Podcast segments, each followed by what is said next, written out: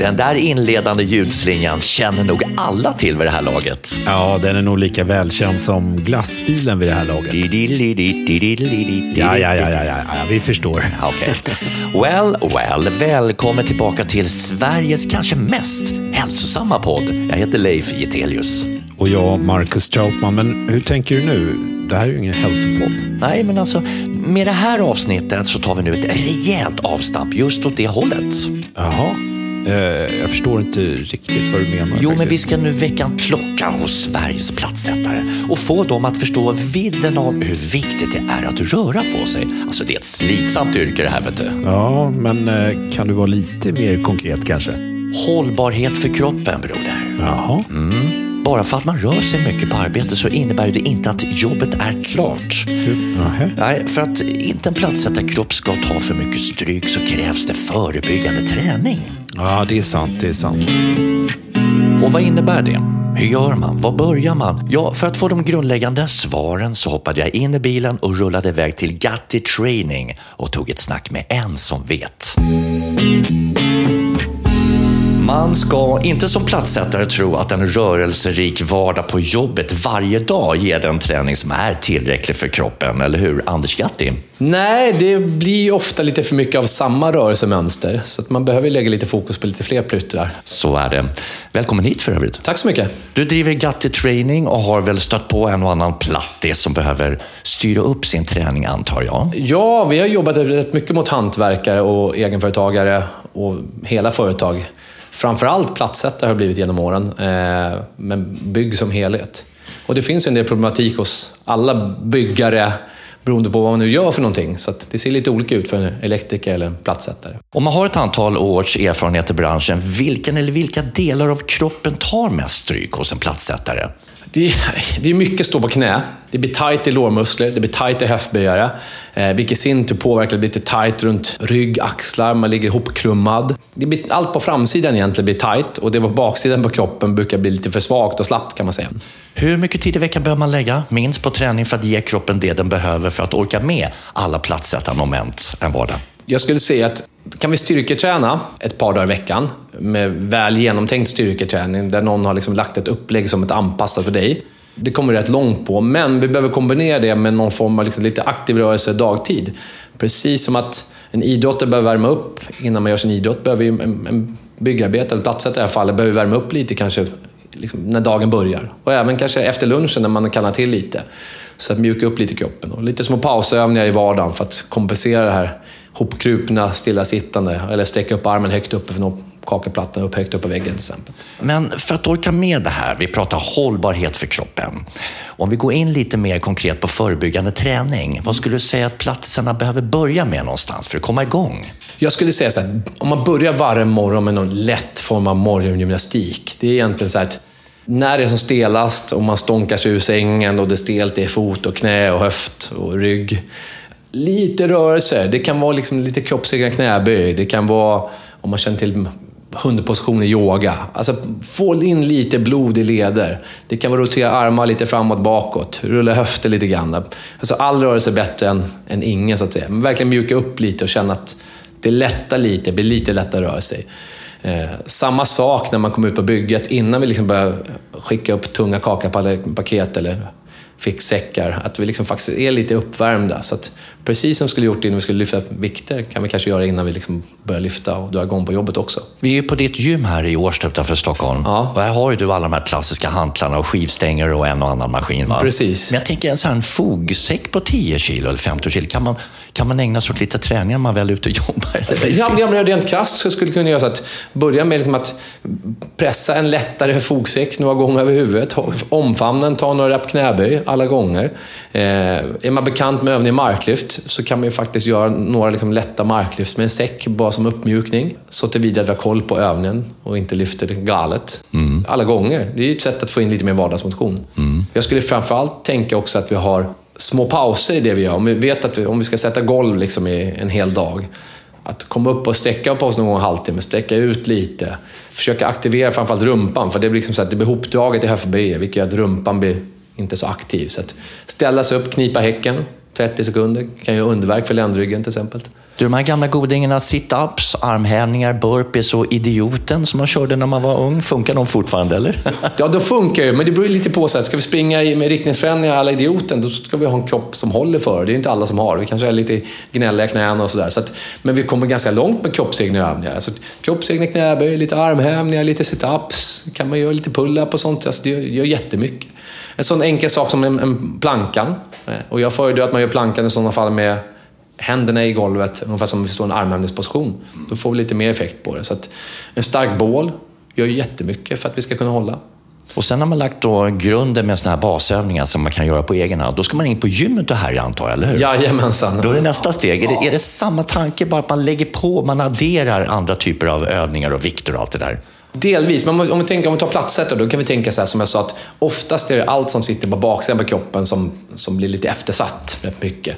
Så det man behöver lägga fokus på på gymmet, det är ju det som baksidan på kroppen. Baksida lår, ländrygg, baksida axlar. Det vill säga vi drar saker mot oss framför pressa. Så mer pulla på marklyft, eh, hantelrodd framför bänkpress och eh, bicepscurl. Kan vi säga. Och ett eh, enkelt sätt om man vill misslyckas är det lite att imorgon ska jag köra igång riktigt stenhårt, tre, fyra, fem dagar i veckan. Ja, oh ja. Det är klassiskt, klassiskt misstag. Så det är ju att, har man haft en paus eller inte tränat på ett tag, så det är less is more. Börja i liten skala så att kroppen hinner vänja sig och man får en förändring och förbättring på det. Och det är ju ingen mening att, liksom att träning ska ju supporta det liv man vill leva i övrigt så att säga. Och om jag då måste uppslukas av x antal timmars träning i veckan så kanske andra saker blir lidande. Det beror helt och hållet på ambitionsnivån. Men en sak är säker, oavsett hur mycket du rör dig fysiskt dagtid som hantverkare så, vi tar död på den myten. Du måste röra dig utöver det. Ja, det måste jag. Alla gånger. Och sen skulle jag säga att en, en stor del för att må bra också, det är ju vad det där stora hålet vi har i ansiktet, vad använder det till? Om vi använder det till att stoppa in snus, cigg, Nocco, eh, snabbmat ute, ja, då kommer det göra ont i kroppen även om du tränar eller inte tränar. Nu kommer vi in på näringslära, det får vi ta nästa avsnitt. Ja, precis. tack för att du ställde upp Anders. Ja, tack så mycket.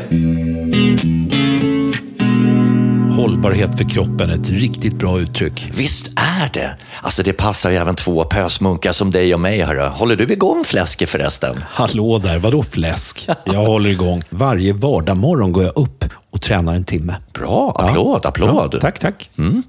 Och du då, håller du igång något? Oj, oj, oj, oj, oj, dygnet runt nästan.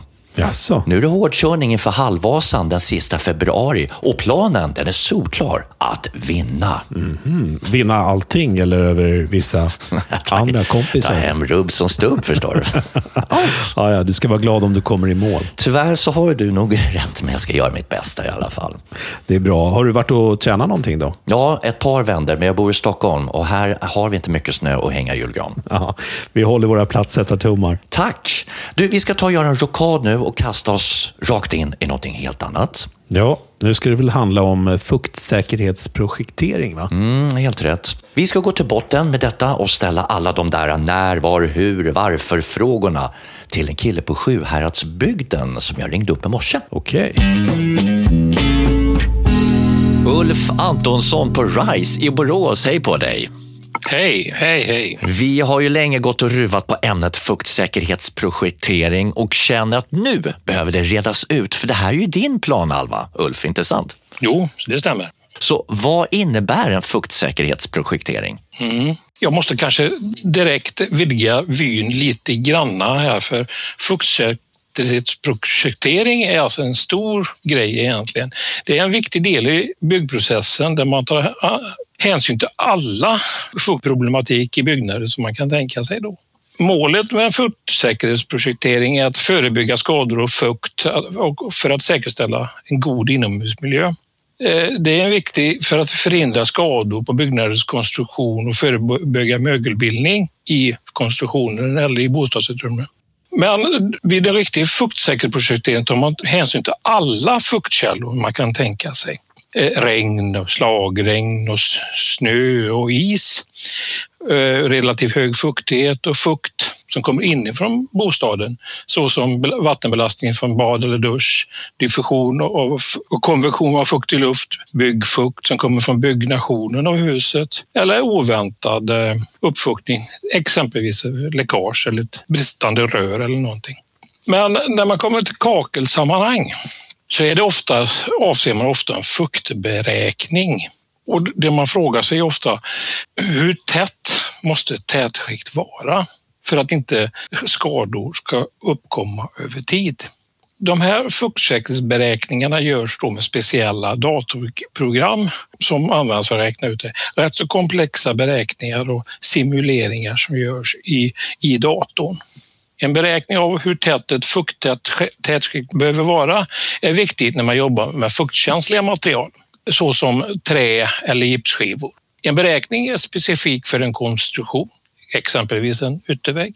Vilket innebär om man har andra material eller dimensioner, då måste man göra en ny beräkning. Så den är unik för det beräknade. Den är absolut inte generell. Eh, att göra en sån här beräkning är speciellt viktigt när det förekommer plastfolie, såsom en ångspärr i en yttervägg. I dessa fall är det risk att ett skivmaterial, exempelvis en gipsskiva, hamnar mellan plastfolien och tätskiktssystemet. När detta sker så är behovet av att man använder ett fukttätt tätskiktssystem stort. Man brukar tala om att tätskiktssystemet ska ha ett högt ånggenomgångsmotstånd. Ånggenomgångsmotstånd är ett mått på hur fukttätt ett material eller till exempel ett tätskiktssystem är. Om ett tätskiktssystem har för lågt ånggenomgång så är risken stor att skivmaterialet mellan plastfolien och tätskiktssystemet över tid kommer att fuktskadas och det är stor risk för mögelbildning i detta utrymme. Det kan då medföra innemiljöproblem som följd. Man måste dock säga då att när man bygger med fukttåliga material såsom betong och tegel med mera så är behovet av ånggenomgångsmotstånd hos ett tätskiktssystem väsentligt lägre än när man jobbar med fuktkänsliga material. Och för den som vill lära sig mycket mer om sådana här grejer så finns det en hel del information på nätet. Eh, bland annat Boverket har en webbsida som jag tycker är väldigt bra för förklarar varför man gör detta och vad som ställs för krav. Är det ni som utför de här eller, eller andra? Vem eller vilka kan göra sådana här uppdrag? Vi har detta i vår eh, tjänsteportfölj, men absolut, det finns många eh, fuktkonsulter i branschen som har både kompetens och möjlighet att sälja sådana tjänster med. Där är vi konkurrensutsatta i högsta grad. Och Det här görs vid nybyggen men också vid renoveringsprojekt, eller? Ja, eh, det ska ju göras egentligen på alla projekt om man läser byggreglerna som finns. Framförallt är det väl mest vanligt att man gör det vid nyproduktion när man har helt koll på hur väggens uppbyggnad är. För man måste ha kännedom om hela väggens uppbyggnad för att kunna göra detta. Ska göras, säger du. Slarvas det? Det är jag säker på att det gör, eh, görs där ute. Eh, och många har nog säkert gjort det på ett antal så här modellväggar då, så de vet var, vad som systemen klarar och inte klarar. Det är, jag kan tänka mig att det är många gånger leverantörerna av tätskiktssystem som låter göra sådana här beräkningar. Mm. Varför gör inte alla detta fullt ut? Mycket svårt att sia om, men eh, jag tror att det, dels finns en okunskap att man, att man eh, i alla fall bör göra det, eller ska, kanske till och med ska göra det. Eh, att, en del tycker nog att det är lite krångligt och lite så abstrakt att förstå vad det här är egentligen. Mm. Vad kostar det? Handlar det om pris och tid eller vad? Ja, ja, det är ju inte jag som gör det här personligen, men jag har ju kollegor så jag var och snackade med dem här på förmiddagen idag och fick ett pris på, det ligger 20, 25 till 30, 30 000 kronor säger man till mig att det kostar, men det är under förutsättning att alla materialdata finns. Ska vi behöva lägga tid på att leta upp materialdata och sådana grejer så måste vi givetvis vi ta betalt för det också då mycket som mäts i datorerna. Är ni på plats också med någon utrustning rent tekniskt för att få fram hundraprocentig data när det väl är klart? Nej, detta görs. Det är en ren simulering som görs, teoretiskt. Men man måste ha en exakt beskrivning på vilka material som ingår i väggen och dimensioner av, det, av detsamma. Då, så att säga. Man måste nästan inte ha en liten ritning eller skiss med måttsättning och exakt vilka material som ingår. Det känns lite som en hälsoundersökning för mig på något sätt där det kan framgå någonting som inte står rätt till som kan medföra en större kostnad. Är det någon oro eventuellt till de som inte väljer att beställa en sån här fruktsäkerhetsprojektering? Ja, det går ju att få. Alltså, du kan ju hamna i en situation där du får ett väldigt, väldigt högt behov av ett sånt här tätskiktssystem. Och då får du ju välja hos någon leverantör, ett, någon leverantör som kan välja, som kan leverera ett tätskiktssystem med de höga nivåerna som krävs. Eller har du en mer fukttålig konstruktion så får du ett lågt värde. Då kanske du kan välja en prisbilligare tätskiktskonstruktion än vad du ursprungligen hade tänkt dig. Så det slår åt båda håll det här. Bra, då har vi något sån här koll på hur en fuktsäkerhetsprojektering går till och allt kring det. Tack för att du var med Ulf. Ja, tack själva. Det var ett nöje att vara med. Man häpnar ju över all matnyttig fakta som bara rullar ut till våra lyssnare. Ja, och fuktsäkerhetsprojektering, ja, men det är ingenting som jag har funderat på så mycket i mitt liv. Nej, men intressant och väldigt, väldigt viktigt. Precis, som mycket annat som vi har avhandlat i tidigare episoder av den här Kakelpodden. Ja, det har blivit ett gäng fylliga avsnitt och det är ju knappt så att vi har koll på allt som har gjorts. Nej, men repetition det är som bekant kunskapens moder, va? Jajamän. Då har vi hux flux fått in Daniel i podden. Ja, men tjena Gitte och alla lyssnare. Ja, vad vill du nu då? ja, men jag tycker ju bara att det är så fantastiskt på riktigt kul att ses igen. Eh, och eh, höras framför allt, för det är faktiskt det vi gör i podden. Mm, det är grunden i podderiet, att höras. Vi slipper bild på oss här och nu och det kanske är tacksamt. Tack och lov, säger alla lyssnare. Nu slipper vi se den där halvfeta skäggiga gubben igen. ja, så är det. Jag är lite skäggig också, men långt ifrån din längd. Då, då. Du, eh, vi eh, ska ge oss i kast med Daniel tittar in igen eftersom du har gjort det. Du har ju tittat in, du är här, så kör!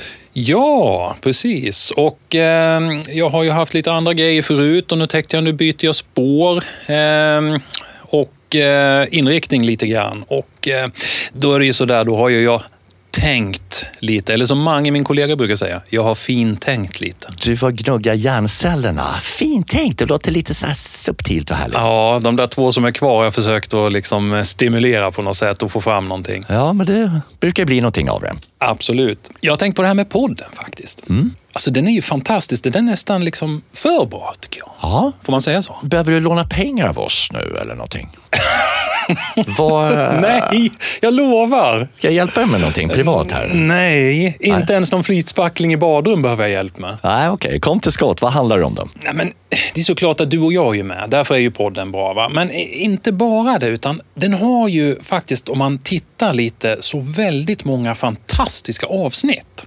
Tänk lite om jag var plattis liksom. och så skulle jag göra en sån där nisch till exempel i duschplatsen där man kan ställa schampoflaskor och annat trevligt i sitt helklinkrade badrum. Mm, det är tjusigt faktiskt med de små avsatserna inne i väggen. Det tycker jag är fint. Tjusigt och praktiskt. Eller om jag kanske skulle göra en sån där superfin och extremt vacker kuvertskärning runt brunnen. I båda de här fallen så skulle jag ju kunna få supertips från Kakelpodden nummer 17 Pratar vi om det där alltså? Nummer 17, kuvertskärning? Ja, ja, och nischer. Ja, du har mer koll än vad jag har. Det är skönt ibland. Ja, det kan vara omvänt. Just det, det körde vi där. Tänk den som kunde göra en riktigt bra kuvertskärning. Då har man nått toppen av det som är härligt i livet. Exakt. Ja. Men om jag var klar med det här som plattis, Ja, men då vill ju jag få till den där perfekta fogningen. Och ingen flammighet i fogen här inte. Nej, nej, nej, nej, nej. Ja, men hur ska jag bete mig då? Vad ska jag tänka på då? Ja, jag skulle kunna gå in och lyssna på Kakelpoddens temaavsnitt om hur du undviker flammiga fogar. Att det där var riktigt på tapeten ett tag som målarna säger. Flammiga fogar, hot stuff, lite knöligt. Är det ett problem fortfarande? Ja, det kan det vara, men man kan ju undvika det här faktiskt. Det finns ju faktiskt färdiga fogar idag. Färdigblandade fogar som inte blir flammiga. Hur grymt är inte det? Alltså, det är en underdrift. Det ordvalet grymt faktiskt. Det är ju magiskt, euforiskt, fantastiskt. Ja. Så okej, okay, conclusion. Flammiga fogar är därmed inte ett problem längre om det finns färdigblandade. Nej, det behöver inte vara det. Vi kan ju undvika det här faktiskt. Eller så kan vi gå in på spår nummer två om vi vill slippa flammiga fogar. Vi kan ju faktiskt använda epoxyfogar. De ska vi inte glömma bort. Och då kan vi ju tänka på eh, dels såklart att de inte blir flammiga som jag sa, men också att vi kan gå in och lyssna på avsnitt 13 i Kakelpodden.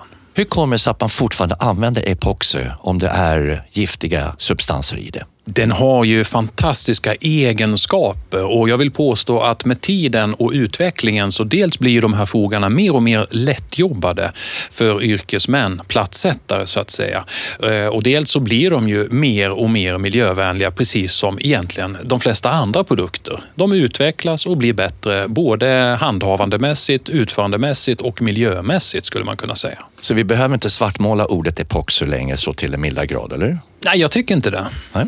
Härligt! Det var mycket information och påminnelse för mig också vad vi har gjort i podden. Ja, och det här är ju bara ett pyttelitet axplock. Och framöver så kan jag utlova fler tillbakablickar i podden, i de här olika fantastiska avsnitten som vi faktiskt har och som man kan gå tillbaka och lyssna på och också ha nytta av. Ja, för att kunna färdas framåt måste man ha koll på det som händer bakåt, eller hur? Så är det faktiskt i historiens värld och även i verkligheten. Och eh, jag kommer också ta upp lite mer nästkommande avsnitt Eh, dels om den fantastiska årstid som kommer, men det är ju kanske inte just det vi ska snacka om i Kakelpodden. Men det kommer mer medlemsnyttotankar från mig. Bra där. Daniel gnuggar hjärnceller framöver igen och återkommer i programpunkten Daniel tittar in då. Tack för att du var med. Tack själva.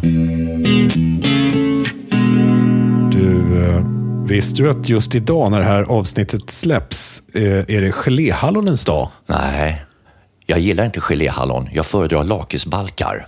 Menar du lakritsstubbar? Nej, de är långa som små balkar. Jaha, jag tänkte på de här små korta, mm. tjocka stubbarna. Nej, de vad är det för skillnad då? Äh, de är inte lakritsstubbar, jag pratar om balkar. Okej. Okay. Alltså, ah. Men om man eh, trycker in en sån här lakritsbalk och lite geléhallon samtidigt då, kan inte det vara gott och mumsigt? Ja, alltså du håller i den här bollen, jag märker det.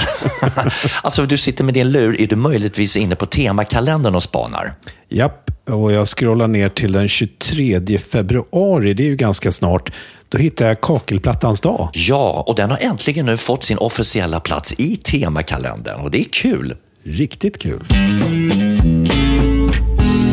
Katarina Silversvärd på Byggkeramikrådet. Hej på dig! Hej Gitte! Nu är det inte många dagar kvar tills dagen K med stort K, eller hur? Nej, det är ju inte det. När sker det? Själva dagen K är ju 23 februari. Och K står för? Kakelplattans dag. Och det här är då tredje gången i ordning? Ja, i Sverige i alla fall. Ja. Vi instiftade det här för ja, 2021, så det är tredje gången vi firar det. Men det har ju funnits sedan 2017 i USA, där den kommer ifrån egentligen.